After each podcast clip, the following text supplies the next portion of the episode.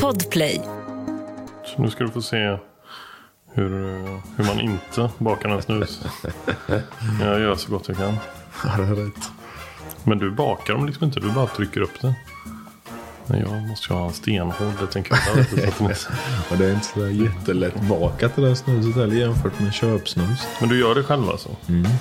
Sådär, är det extra starkt också antar jag? Ja, det är rätt bra drag i det. Ja, det är så. Vi får se hur länge Ser klarar det snurrar. Ja, däcka så får du fortsätta prata. Tack. Välkommen till podcasten Jägaren med mig, Daniel da Silva. Det här är ju faktiskt premiäravsnittet av säsong 2, vilket jag är väldigt glad för. För jag tycker verkligen att detta är kul att hålla på med. Och jag vill också passa på att tacka er som har hört av er och varit peppade inför den här säsongen.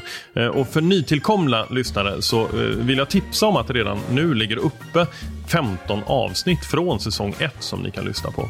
Men eh, nu drar vi alltså igång säsong två, så från och med nu fram till midsommar så kommer vi att släppa ett nytt avsnitt varje torsdag. Jägaren är en podcast som går ut på att jag intervjuar olika typer av jägare. En gäst i varje avsnitt där vi fokuserar på drivkrafter, erfarenheter och upplevelser kopplat till jakt. Jag själv tog jägarexamen för drygt tio år sedan och har konstant frågor och funderingar för att jag vill lära mig så mycket som möjligt och bli inspirerad till att bli en bättre jägare. Och Jag anser att det bästa sättet att lära sig är att fråga och prata med andra människor. Så den här podden är till för alla som lyssnar eh, så att man ska kunna bli inspirerad av andra duktiga jägare. Och Den jägaren ni ska få träffa i det här avsnittet är Rasmus Liljeblad som driver jaktkanalen Jaktpuls. Men innan vi kör igång eh, intervjun så kommer här ett inslag med poddens huvudsponsor Chevalier.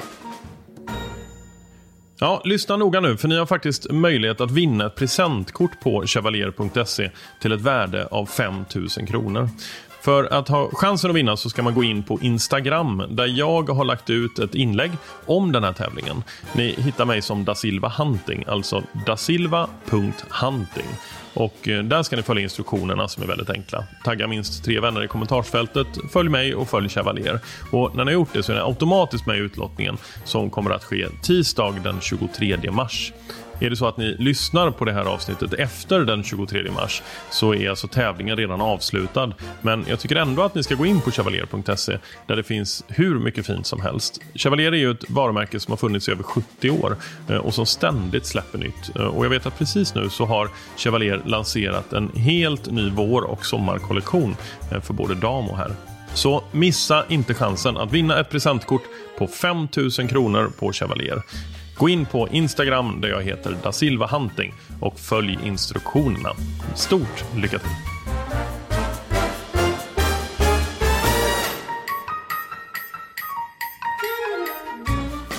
Ja, då eh, befinner jag mig just nu eh, cirka två mil söder om Växjö eh, i Småland. Och är hemma i Rasmus kök. Välkommen hit Rasmus. Tack ska du ha. Eller välkommen hit, vi är hemma hos dig. Men välkommen till podden. Välkommen till mig. Ja, tack snälla, tack. Eh, det stämmer va? Eh, Växjötrakten. Ja, två mil söder om Växjö. Mm. I Gät. Gät. Och här bor du och har, man möts av hundar på gården. Och det är en fantastisk dag. Jag har ju frågat eh, folk som följer mig eh, vilka gäster som de skulle vilja ha till den här säsongen. Och de allra flesta eh, utav namnförslagen som har kommit in, det, det är liksom namnet som har toppat eh, är då Rasmus från Jaktpuls. Okej. Det är väl eh, fint? Ja, väldigt kul att höra Ja, faktiskt. Då får man ta åt sig. Ja, och vi kommer prata om massa saker. Jag har liksom eh, hundratals eh, funderingar och tankar och, och jag tycker själv att du eh, ja, men du förklarar väldigt härligt i dina filmer. Man, det, det är liksom utbildande samtidigt som det är spännande och kul att titta på. Eh, vi kommer prata om hundjakt såklart. Eh, kanske lite jakt i andra länder. Ja, Eh, varför inte? ja, Vi kan prata om allt möjligt. och- men, men framförallt då så kommer vi prata om dig eh, och ditt jaktintresse och vad som driver dig till det och sådär. Eh, Jag tänkte vi ska börja där. Yes. Vad, har jakt varit en naturlig del i ditt liv? Jakt. Ja, kanske inte sådär riktigt ifrån början skulle jag nog inte säga. Men lite upp i tonåren i alla fall. Men jag har ju jakten i släkten. Nästan, ja de flesta i släkten jagar kan man säga. Eh, farfar, farbröder, kusiner. Sådär. När var du själv på din första jakt?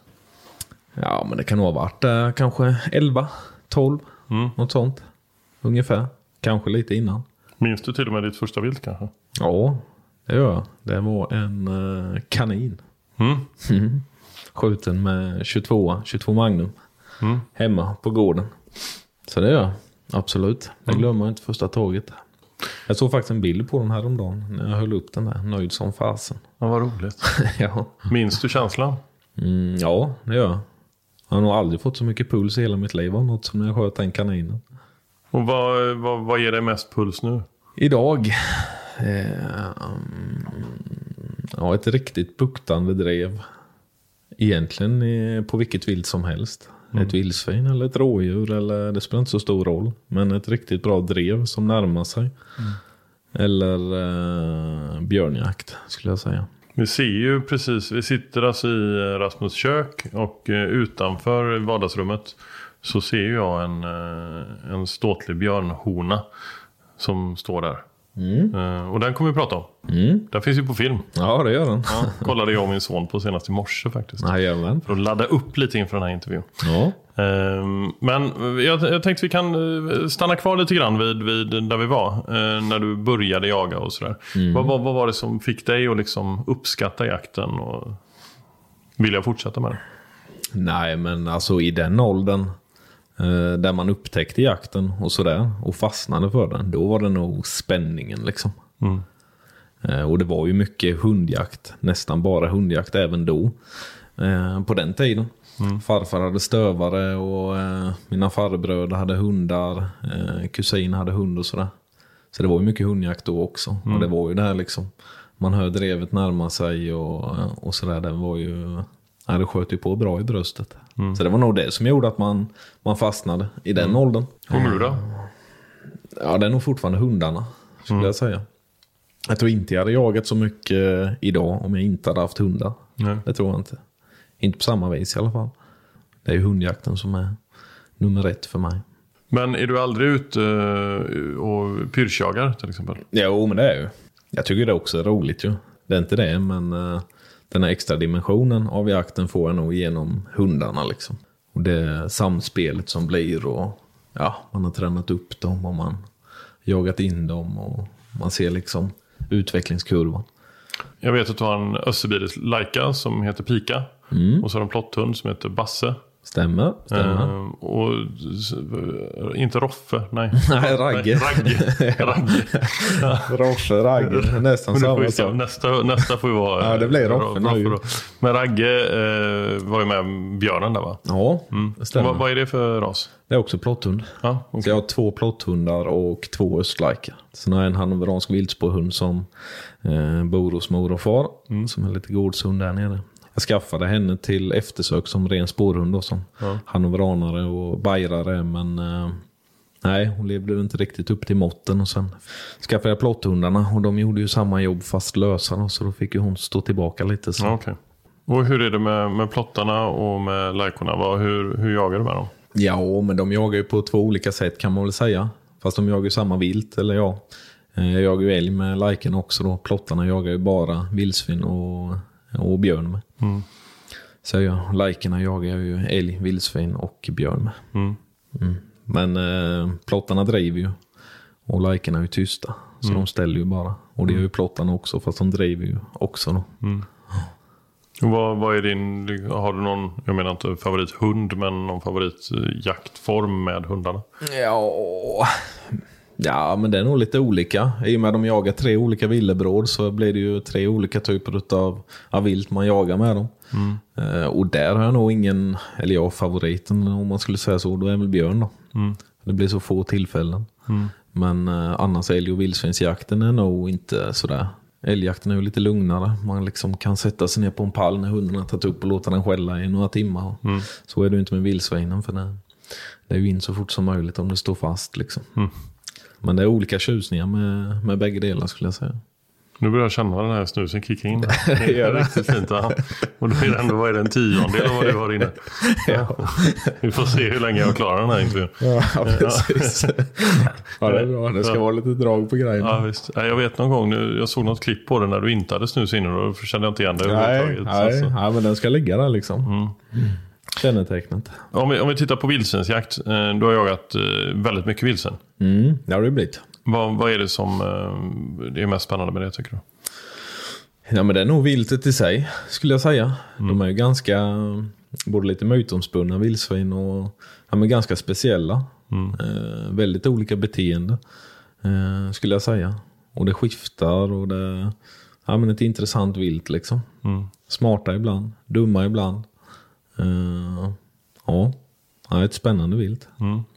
Det är ju lite, ja, men det är lite mystik runt dem på något vis. Ja, lite sådär.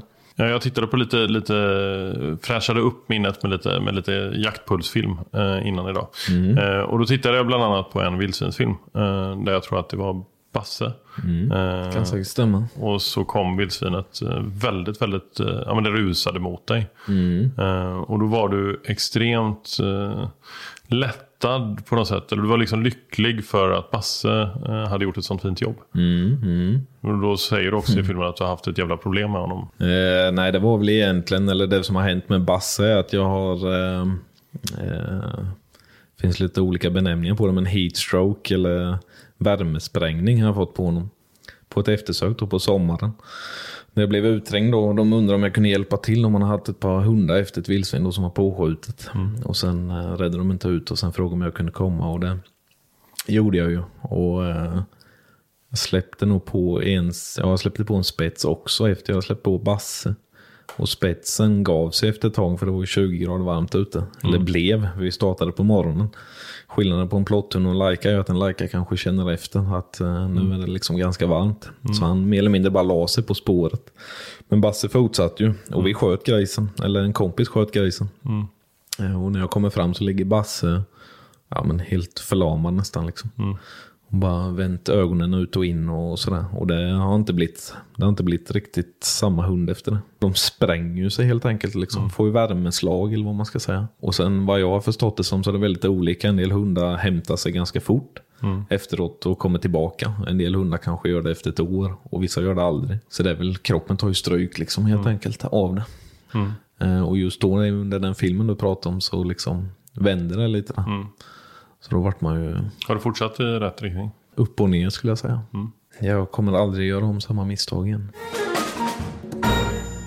Du har ju en eh, 170 kilos galt på väggen. Mm. I, eh, var, var är den ifrån? Den är ifrån eh, ja, den marken jag är mest på kan man säga. Ett par mil härifrån. Mm. Den eh, sköt jag för eh, Rocky, min första hund i slutet på hans karriär. Så det var därför den fick pryda väggen. Mm. Så minne till honom. Älgjakt har du också jagat uh, mycket. Mm. Eller vad, vad, tycker du är tjusningen med älgjakt? Alltså älgjakten är ju så mycket lugnare på något vis än vad vildsvinsjakten är. Mm. Uh, det var som jag sa lite innan, liksom, när hunden har tagit upp, du kan nästan liksom sätta dig och göra en eld. Mm. Och låta hunden stå och skälla. Så det är väl hundjobbet. Det är mm. väl det som är det roliga med älgjakten också. För min del är det ju det i alla fall. Mm. Man har haft hunden sedan den var valp och man har skogstränat och man har börjat jaga in den och man... Eh, för min del är det en förhoppning om att starta den på jaktprov. Mm. Eh, så det är väl liksom själva utvecklingen, det är nog det som är roligast tycker jag. Mm. När man ser unghunden utveckla sig och, och bli bättre och bättre. Hur jobbar du med din hund för att eh, den ska utvecklas så bra som möjligt? Ja, men jag är nog ganska, jag skulle nog säga att jag är ganska neutral. Sen kanske jag ger hunden så bra förutsättningar som jag kan. Mm. Men det är hunden som ska göra jobbet. Alltid egentligen, oavsett ras. Så jag är nog ganska, jag är nog ganska passiv när jag jagar in en hund. Liksom. Mm. Jag vill ha ganska stora sök på dem och sådär. Så det är mycket ut och sätta sig bara på en stubbe, tjura, mm. lyssna på en podcast eller något. Mm. Jag vet en bra podcast. Jaha, jag, jag med. Ja.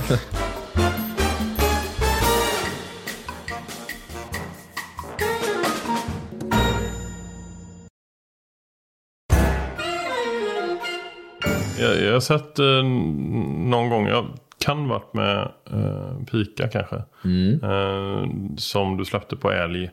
som körde någon ståndskall i ett par timmar. Eller någon timme i alla fall. Och sen när du kom så funkar inte inkallningen. Nej. Och då gick du tillbaka och så...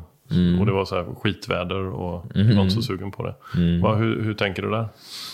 Nej, men jag har nog egentligen alltid haft inkallning på hundarna i början. Eh, sen när man har skjutit par älgar för dem så eh, av någon konstig anledning så bara försvinner inkallningen helt plötsligt. Mm. Eh, så då blir det väl att man kanske skjuter någon älg då utan att ha kallat in hunden och helt plötsligt har de glömt bort, eh, glömt bort husse. För de väntar med att det ska smälla, eller väntar sig att det ska smälla. Då. Och det är oavsett hundras, om det är en drever eller en tax eller en spets eller vad det än är. Mm. Och det kan vara bra att ha, väldigt bra att ha ibland. Och det, det finns ju massa olika fördelar med det. Eh, dels i själva skottsekvensen att man faktiskt kan kalla in hunden så att man inte har hunden eh, bakom eller under eh, eller liknande. Eh, men också när man ska avsluta en jakt. Eh, jag jagar ju med bland annat en jämthund som har precis noll inkallning. Eh, och det blir eh, långa nätter. Ja. Och mycket bilkörande och många kilometer i skogen. Det är då man får reda på vilka som är ens bra jaktkamrater som stannar kvar och vilka som åker hem. Det finns ju några sådana fantastiska klipp på YouTube. Med folk som saknar inkallning. Ja, som ja, skri- ja. skriker efter sina hundar. Ja, jag har nog med några sådana på, på lager tror jag inne på hårddisken. Vad, vad, hur, hur mer tänker du när du tränar eh, dina, dina hundar? Vad är viktigt tycker du?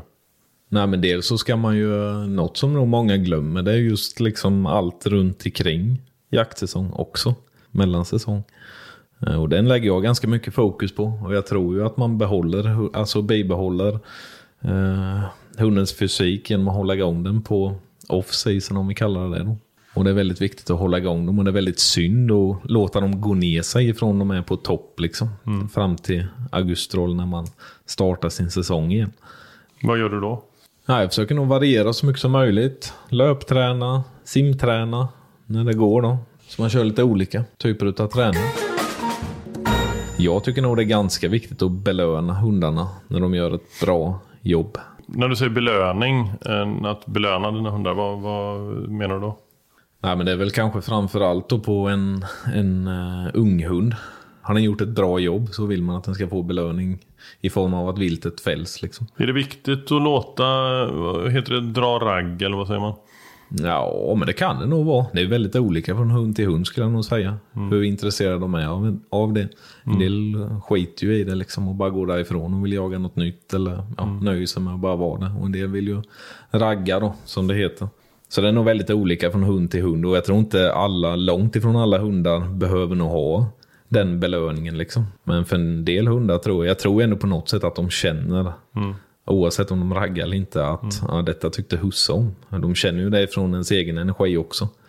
Eh, och pratar man eftersök och, och eh, lite sådana bitar som kanske ibland kräver mer av hunden, då tror jag det är extra viktigt.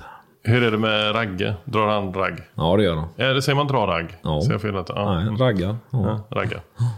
Nej, men han, eh, han tycker om att ragga och slita lite när, när det har blivit skjutet för honom. Det gör han. Jag tror att han inte heter Roffe för han är bara Roffe. ja? Roffe är nästa hund ju. Ja. Roffe alltså. Ja. Jag, jag gillar hundnamn som är sådär. Eh, skulle kunna vara ett människonamn. Ja. Eh, en kompis hade en hund som hette Svante. Det tyckte jag var fint. Ja. Nisse och sånt där. Jag tycker det är mysigt. ja, det är charmigt.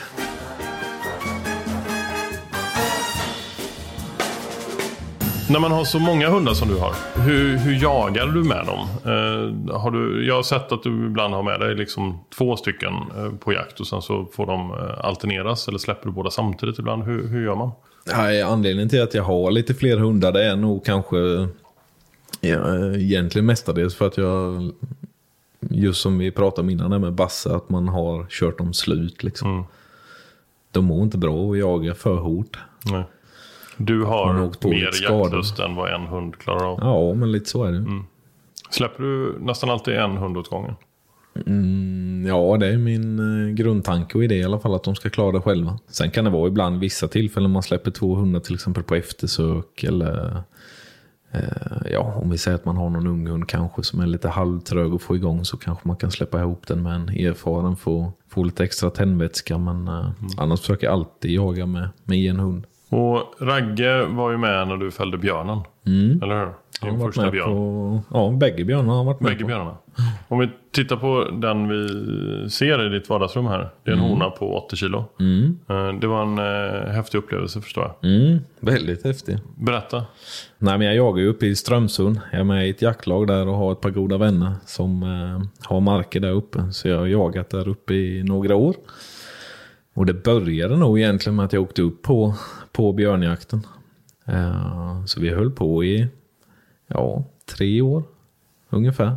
Innan den första björnen blev skjuten. Så man har väl själv lärt sig lite hur det, hur det ska gå till. Eller hur man ska göra. Det är ju ganska krävande björnjakt. Det är mycket, mycket spårjobb och mycket, mycket tid bakom en, en fälld björn. Och du sa själv att du, när du stod och klappade på björnen. Så sa du att du, du, du tycker de är så häftiga för att det är ett tänkande vilt. Hur resonerar du då? Ja, men de har något annat i sig. Man, man, eh, jagar man en björn så känner man nästan att den, att den tänker.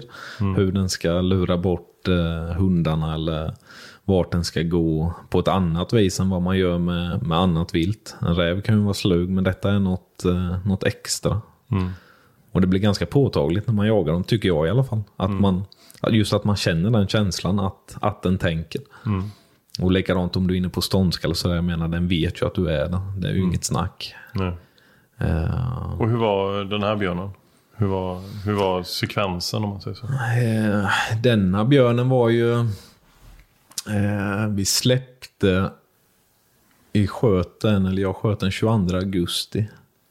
Och vi kom upp den 19 augusti. Den 20 augusti, dagen innan premiären, så hade vi ett björnspår över, över en väg. Han hade gått i ett dike.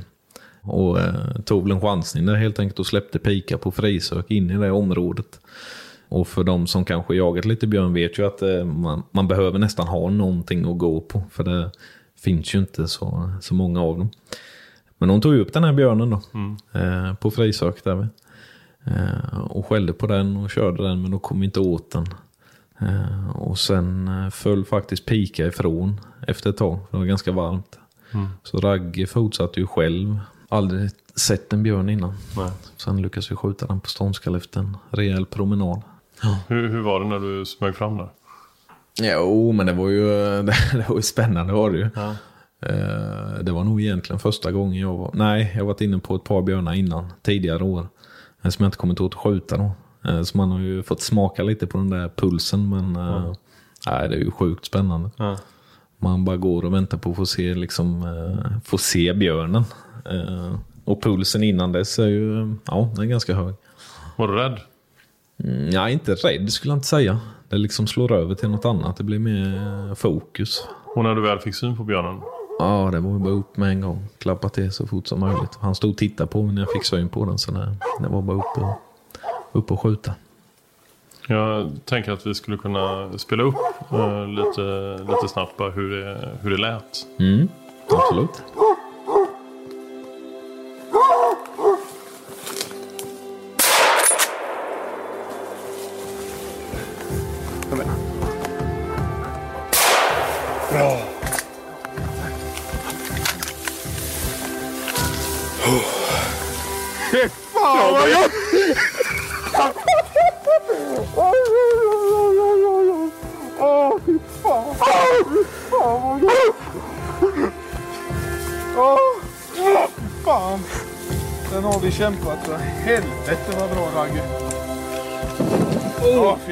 Det blir väldigt emotionell stämning eh, när det är klart. Eh, hur kändes det då? Ja, helt underbart.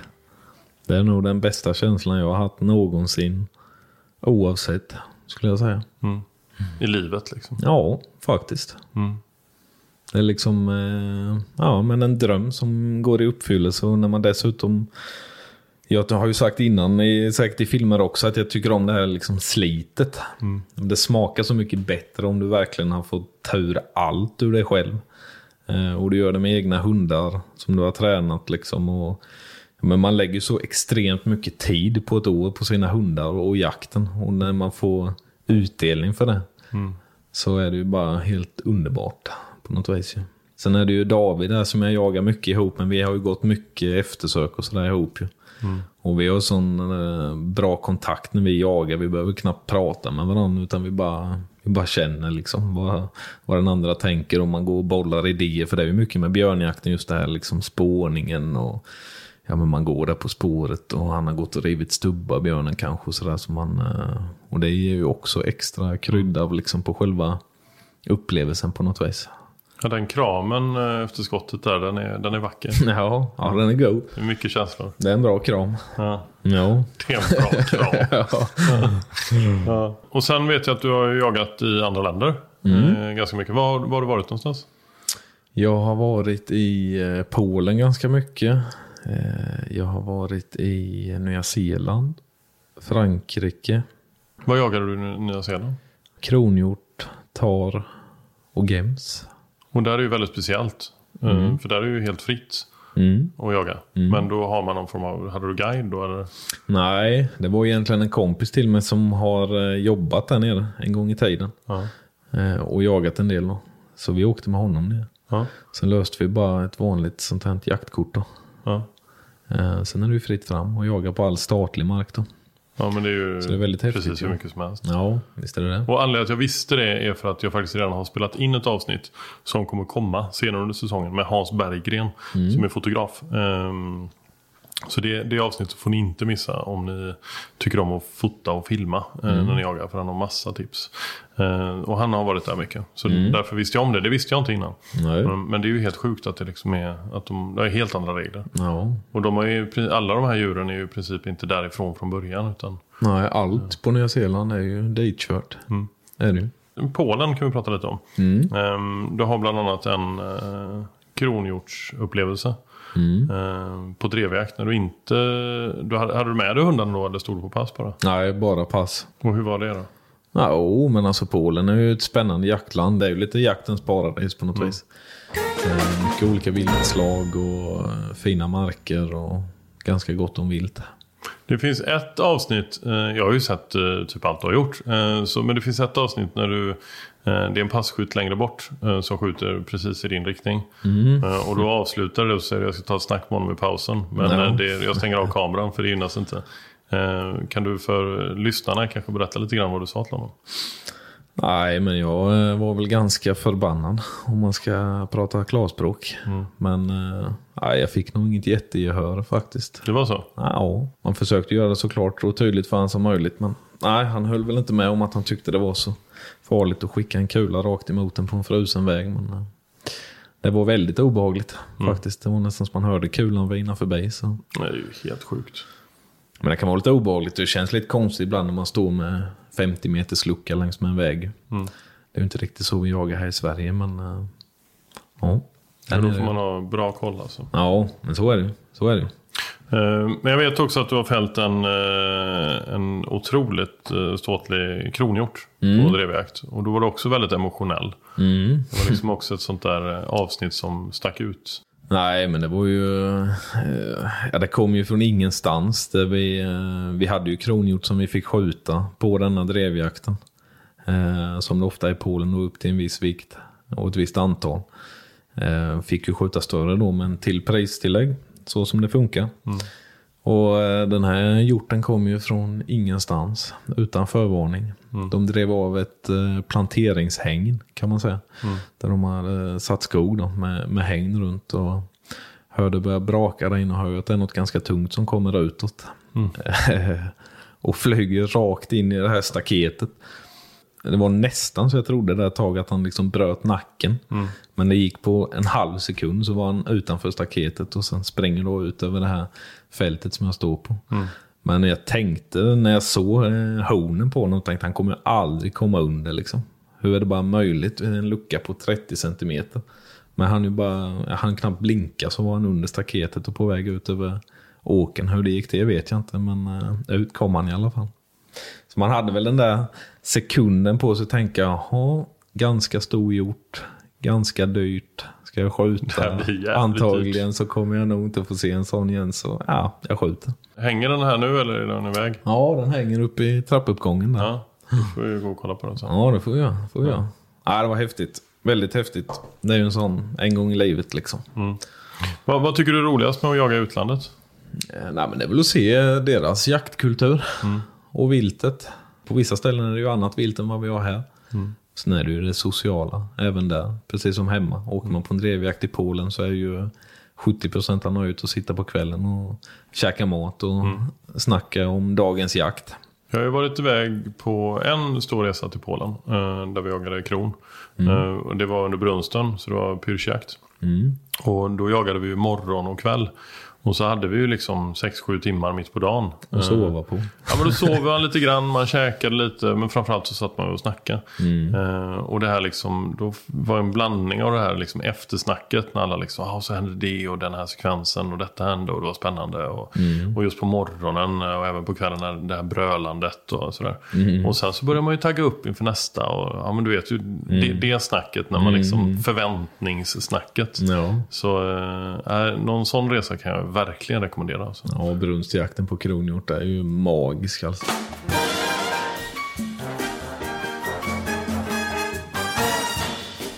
Vad har du, vad har du kvar då? Vad, vad, vad har du för drömmar? Oh, jag har mycket kvar. Mycket kvar. Om du skulle ha en lista liksom. Vad, vad, vad finns med där på topp fem? Någon gång skulle jag vilja åka till ja, Kanada eller Alaska eller något sånt. Kanske med egna hundar. Jaga svartbjörn. Bergsjakt har jag varit på ett par gånger. Nya Zeeland och, och Frankrike. Och det är ju också någonting som jag ligger väldigt varmt om hjärtat. Tar och gams eller? Ja, eller ja, bergsjakt överlag egentligen. Dels är ju landskapet helt underbart liksom att bara vara i. Och sen eh, ja, men just det här lite krävande, lite slit. Sådär. Det finns många ställen jag skulle kunna tänka mig att åka, åka till. Har du något planerat? Mm, nej, inte i dagsläget faktiskt. Kanske Polen. Men inge, nej, ingen bergsjakt. Jagar du rådjur överhuvudtaget? Ja, lite. Ja. Jag var faktiskt ute och pyschade mig i en bock i höstas. Det var nog två år sedan sist. Ja. Men eh, lite rådjur och sådär blir det. Jag gillar rådjur. Ja, Jag tycker det är häftigt, häftigt vilt. det är ju klassiskt på något vis. Sådär. Allmogejakten. Mm. Den är ju väldigt trevlig på rådjur med taxdrever eller något liknande.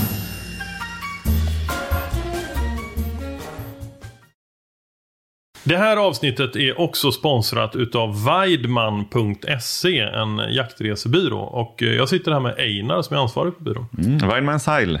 Weidmans Dank. Eh, det, så säger man ju. Ja, helt rätt. Och Weidman, om vi börjar där, det stavas med A va? Vaid. Precis. Eh, W-A-I-D-M-A-N-N.se ska man gå in på för att kolla in våra jaktresor. Ja, vad härligt. Och jag, jag reste ju faktiskt med er. Eh, så vi var tillsammans i Polen och jagade kronhjort under brunsten.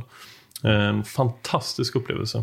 Mm, det var fint. Och den resan kan man väl eh, faktiskt beställa och boka till nästa år. Eller till detta året då efter sommaren. Ja, vi har under brunsten i september så har vi två avresor planerade nu under första och andra veckan i september. Och de kostar 15 000 kronor per person och då ingår alltihop resa, tur och retur, jaktarrangemang, mat och dryck, boende, rubb och stubb, förutom då eh, fällavgifter.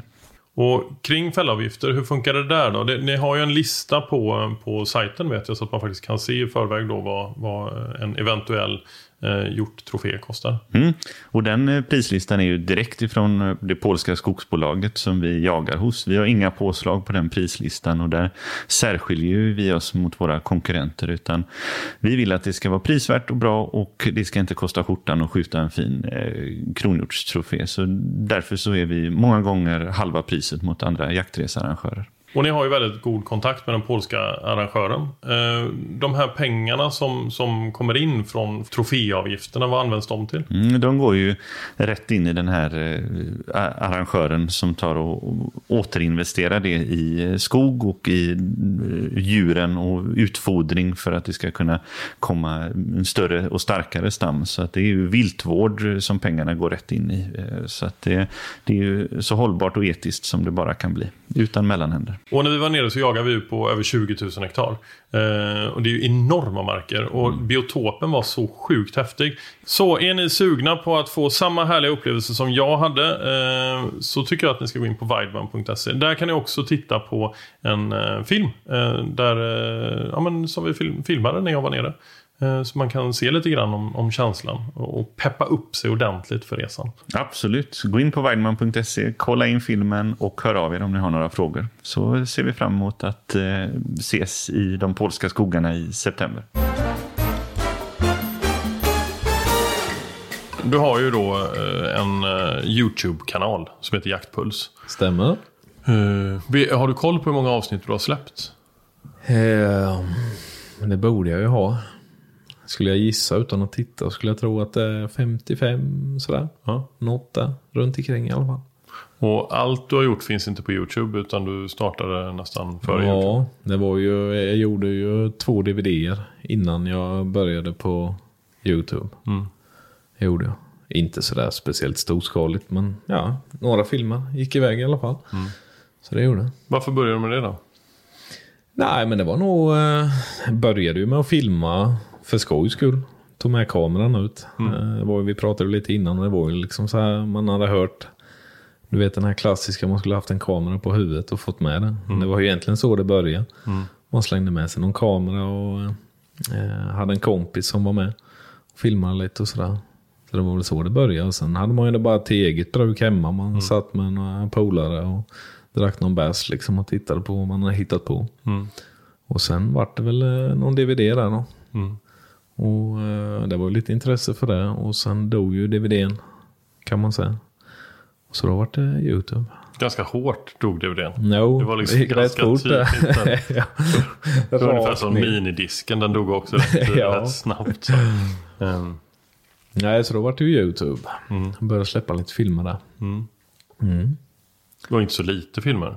Men, men du har inte sådär att du släpper varje vecka eller sådär, utan du, du släpper när du känner att du, du har Ja, material. jag har försökt hålla mig ifrån just det där och säga.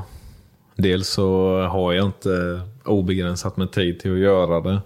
Och sen vill jag inte Nu kanske det blir så någon gång ibland i alla fall, men jag vill inte släppa något bara för att jag ska släppa något. Jag vill liksom inte ha den kniven mot strupen att på söndag ska jag släppa en film. Nej. Klipper du själv? Ja, jag gör allt själv. Ja, du gör det? Det är imponerande. Ja, det... Du har aldrig tänkt att lägga bort det? Ja, jag har lite, jag har fått lite hjälp med ett par filmer. Anders, eh, som han heter, som är med mig och filmar lite ibland. Eh, han har hjälpt mig att klippa eh, ett par filmer. Annars har jag klippt allt själv egentligen. Häftigt. Ja, det är lite tid bakom det. Och du är med klippt lite, så du vet vad det handlar om ju. Ja, men jag klipper lite film. Och sen Ja. har jag gjort ett par jaktfilmer bara. Men vad är det liksom i, vad, vad känner du själv när du, du får ju, det är ju bra tittning på dina filmer och eh, du får mycket respons. Påverkar det dig mycket, responsen? Jo, men det gör det ju. Absolut. Eh, det blir ju drivkraften till att fortsätta. Det är ju inte för ens egen skull man gör filmer idag. Eh, det, så var det väl lite mer i början, för då var det kul liksom. Eller sådär, på ett annat vis. Idag gör man ju det mycket för att folk vill. Vill titta och vill se. Och det är ju jättekul att folk, att folk känner så. Och den feedbacken man får genom att läsa kommentarer och, och sådär är ju, det är ju det som är drivkraften till att, man, att man vill göra mer. Du är ofta ute eh, helt själv. Med, alltså på, med egen kamera och om du lockar räv eller vad du nu gör. Eh, är det, kan det förta lite av din jaktupplevelse att du också ska hålla på och fippla med kameror och tänka på eh, allting sånt? Ja, jo men det kan det nog lite. Inte, och det har, nog, det har nog blivit mer nu, om man säger. På senare tid. Att man känner liksom, fan det hade varit gött att inte ha med kameran ut. För det blir ju det, för, alltså det tar ju lite, något av det blir ju lite lidande. Antingen blir ju jakten lidande eller det är lite vad man gör. Jag försöker hålla det väldigt neutralt på något vis. Eller sådär. Vi gör ju aldrig några omtagningar eller något sånt. Utan jakten är som jakten är. Och då blir det inte så jättejobbigt att filma heller. Ja, men det känns ju i dina filmer. Att det är liksom rakt på sak. Nej men det är väl så det ska vara. Det är väl det, jag vet inte. Vi, vi som håller på och gör film, vi har väl olika typer av tittare misstänker jag i alla fall. Till viss del. Och eh, en del tycker jag om en viss typ av jakt och en del tycker jag om en annan.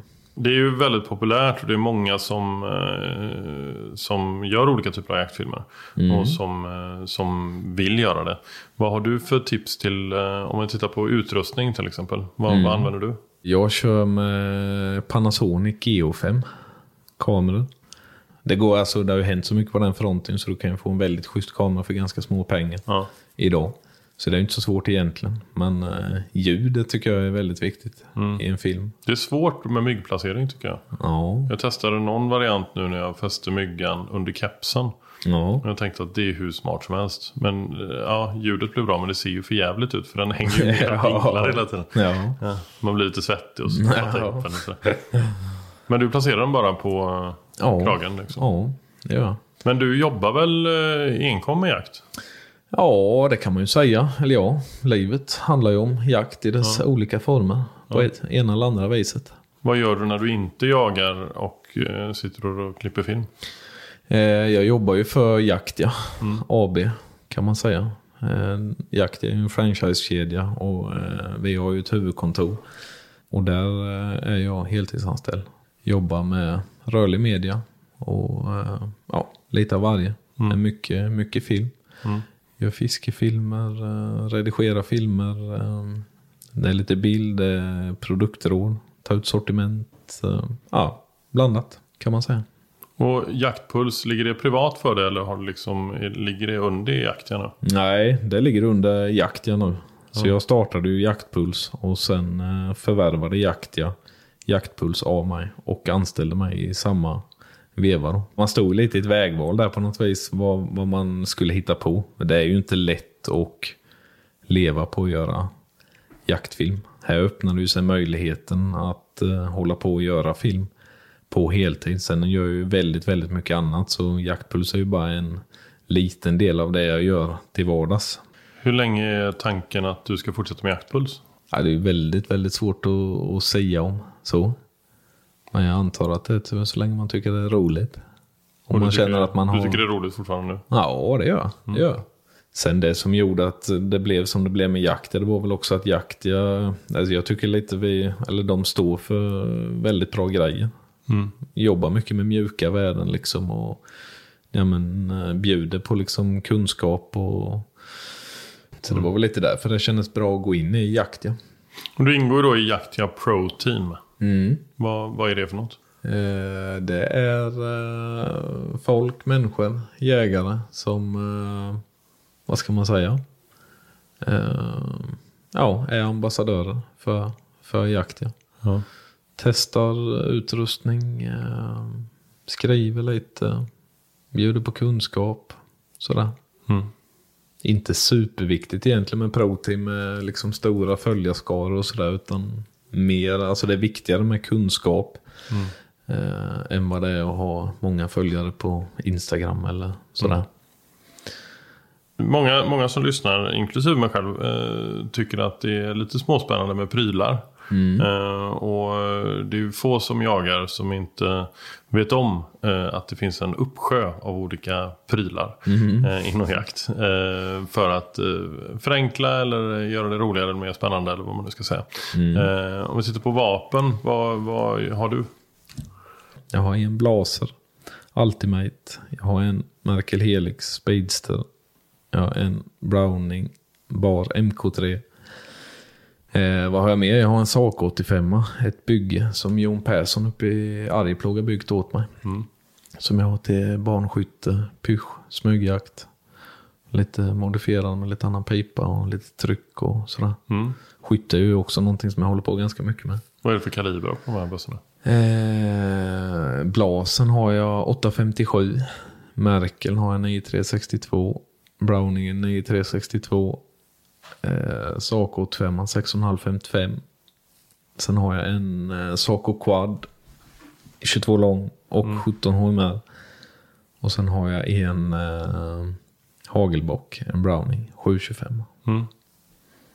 Nu höll du dig inom de här sex vapnen. Ja, det är, man ligger alltid där och gnager på den. Ska du berätta vad mer som finns? Eller? ja, precis. Eh, men ja, men vad coolt. Vad- Hur, 22 lång, 17 HMR där. Ehm, den, då har du pipyta på den då. ja, det. Vad, vad, när använder du den? Är det mest för träning eller? 22 lången är ju, jag skulle säga 90% träning. Hur mycket tränar du? Ja, men det blir ganska mycket skott varje år. Dels rent precisionsskytte. Eh, sen är det ju löpande vildsvin, löpande älg. Lite långhåll. Eller långhåll, men alltså upp till det man skjuter på kanske. Man strävar ju efter på något sätt att vara så komplett som möjligt. Eller sådär. Och det är ju bara så, ju mer du tränar skytte, ju bättre blir du på att skjuta. Det gäller att hålla igång. Men det märker man ju själv om man åker till älgbanan i, på sommaren då. Eh, För vi börjar skjuta ganska tidigt, jag och mina kompisar. Man märker ju att det är ju inte alls samma som det var året innan. Så det är ju en färskvara. Så är det ju. Och som jag har eh, Saco 85 det är mitt bygge som jag har i 6,5 som jag eh, skjuter på bana och lite tävlingar och sådär med. Har ju tickan, eller Saco quadden som jag har, har jag också en KKC-koll precis som den. Så man försöker liksom få det så likt som möjligt. För det är ju ganska stor skillnad att stå hemma och skjuta på en snurra eller skjuta med 22an än att stå och skjuta med klass 1. Så då liksom får man ju det lite, ja men samma typ av vapen och, och sådär. 9362 är ju en, eh, det är en rätt rejäl smäll ändå. Eh, Det är ju lite rekyl och lite sådär. Eh, Skjuter du lika bra med den som 6,5? Nej, det gör jag nog egentligen inte. Nej. Om man ska vara ärlig. Det blir ju så naturligt. Alltså det är ju mer smäll i den. Ja. Och man blir ju mer påverkad. Den som säger något annat, han ljuger. Men eh, nej, jag har alltid haft 9-3. Första vapnet jag hade var en 9-3. Mm. Eh, Jag tycker om den kalibern. Det är lite, lite bättre marginaler. Och Men inte på jagar- den där stackars kaninen i ladugården? Nej, nej, det var inte 9-3. Det var en eh, 22 Magnum. Okej. Men eh, nej, men lite mer sådär och sen lite med hundar och sådär. Det gör inget om det är någon liten kvist. Eller, det, det gör ju skillnad det med, men eh, lite mindre skillnad. Om det är lite långsammare kula och lite tyngre kula. Och 857 Mm. eh, är väl en eh, klassisk hundförarbössa va? Ja. Eller kaliber. Skulle jag nog säga. Va- Vad, vad är det som gör den till det? Nej men det är väl just det här liksom att den är lite grövre, kuldiametern. Går lite långsammare. Du kan ha hyfsat kort pipa också va? Ja, det också. Vissa kalibrar är ju mer lämpliga. Och har lite kortare pipor i än vad det är i annat. Eller i andra kalibrar. Fan, jag har lärt mig lite grann ändå. Ja, Det är bra. visst. Jajamän. Ja, du får hojta till när jag, när jag säger fel. Ja, det låter så bra så. Ja, det är ju inte klokt. Herregud. Grymt. Eh, Det är, det är, en, eh, det är en fin liten eh, vapengarderob du har. Mm. Ja, Helt det är det. det är det. Och det är ju ett stort intresse som jag har. Vapen och skytte och... Och du handlar där också. Ja, Ja, både övningsammo och jaktammo. ja lite, lite blandat men nej, det åker igenom det mesta. Genom pressen faktiskt. Är det nere i källaren också? Ja, Fa- fabriken. jajamän. Får, jag får gå ner där och kolla lite grann sen. Ja, nej, men det är roligt. Det är lite eh, terapi med. Sitta där nere och ladda lite. Ja. Om vi, nu, nu är det mm, precis eh, månadsskiftet februari-mars när vi spelar in detta. Eh, för många så är ju stora delar av jaktsäsongen eh, lite över kan man säga. Och så drar det igång igen efter sommaren. Eh, om man skulle dra liksom året från och med nu fram till att vi är här till nästa år. Vad, vilka liksom, saker vill du göra och hinna med? Eh, nej, men eh, nu är det väl lite eh, rävjakt kvar. Eh, det är ju ganska roligt. Sen har vi inget optimalt väder ute just nu för att locka räv. Det vart ju eh, typ vår här nu ju. Men lite rävlock om det hinns med. Sen drar skyttesäsongen igång. Pressen jobbar hårt där nere i källaren nu. Tar fram övningsammunition. Sen är det, just nu har hundarna vila. Sen eh, sist januari. Eh, Men eh, inom någon månad här börjar nog smyga igång lite där med. Träna dem. Har ni bäver här omkring? Eh, inte just här, Nej. men inte sådär jättelångt. Nej. Borås finns lite bäver. Och uppåt där. Är det något du jagar? Nej, eller jo, jag har jagat bäver utan att skjuta. Men eh, jag har aldrig skjutit någon bäver faktiskt. Är det sant? Mm. Det har ju jag. Ja, klokt. du ser. Det trodde jag aldrig. Ja. Nej, så det har jag faktiskt inte gjort. Och sen har jag klarat den här snusen hela, hela podden. Ja, så det, det är jag rätt nöjd med. det är faktiskt. också bra. Ja. Nej, så ja, vi får se. Kanske bäver då. Ja.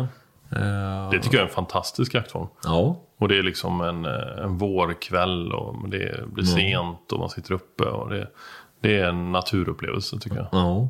ja, det var väldigt trevligt när jag var iväg eh, hos eh, Karl som han heter då. Jagade bäver. Men eh, ja, det vart inget då. Men eh, som du säger, varmt och skönt och vår och fågelkvitter. Och, ja, det är trevligt. Annars så är det väl eh, skytte egentligen. Ja, vildsvin är det ju lite under tiden, hela tiden. Ute på fält och sådär. Vi har ju ganska gott om vildsvin i dessa trakter. Eh, sen är det björnjakten, 21 augusti. Mm. Upp till Norrland. Den skojar man inte bort för dig. Nej, den är väldigt, väldigt viktig. Väldigt viktig. Hur lång brukar den bli när ni är färdiga oftast? Alltså om det är idag, jag jagar ju i Jämtland på eh, område 2B och det är ju fyra fem dagar. Mm. Så det går fort. Ja. Det är kort säsong Mm. på björnen. Kanske det blir att vi fortsätter lite i år på lite andra områden. Men du har aldrig jagat björn i utlandet? Eh, nej, Karpaterna eller nej, sådär? aldrig. Är det en dröm du har? Men jag skulle nog gärna ha med egna hundar i sådana fall. Ja. Och jaga med. Mm. Jag är inte intresserad av att sätta mig vid någon foderplats och skjuta på en svartbjörn som kommer och ska äta bröd eller något. Men du vill liksom så bli avsläppt med helikopter någonstans där du inte riktigt vet vad du är med dina hundar. och sen så får du lite så. se om du klarar Det det. ska hem. vara något speciellt eller sådär. Ja. Alltså bara bli utsatt någonstans. Och det liksom utan att man behöver göra någon ansträngning. Det tilltalar mig egentligen inte speciellt mycket. Nej. Man vill ha någon koppling till det man gör på något vis. Om det nu är så man, man gör någon typ av lättare jakt så är det ju roligt att göra det på sina egna marker kanske där man liksom har varit med och förvaltat eller, eller hjälpt till.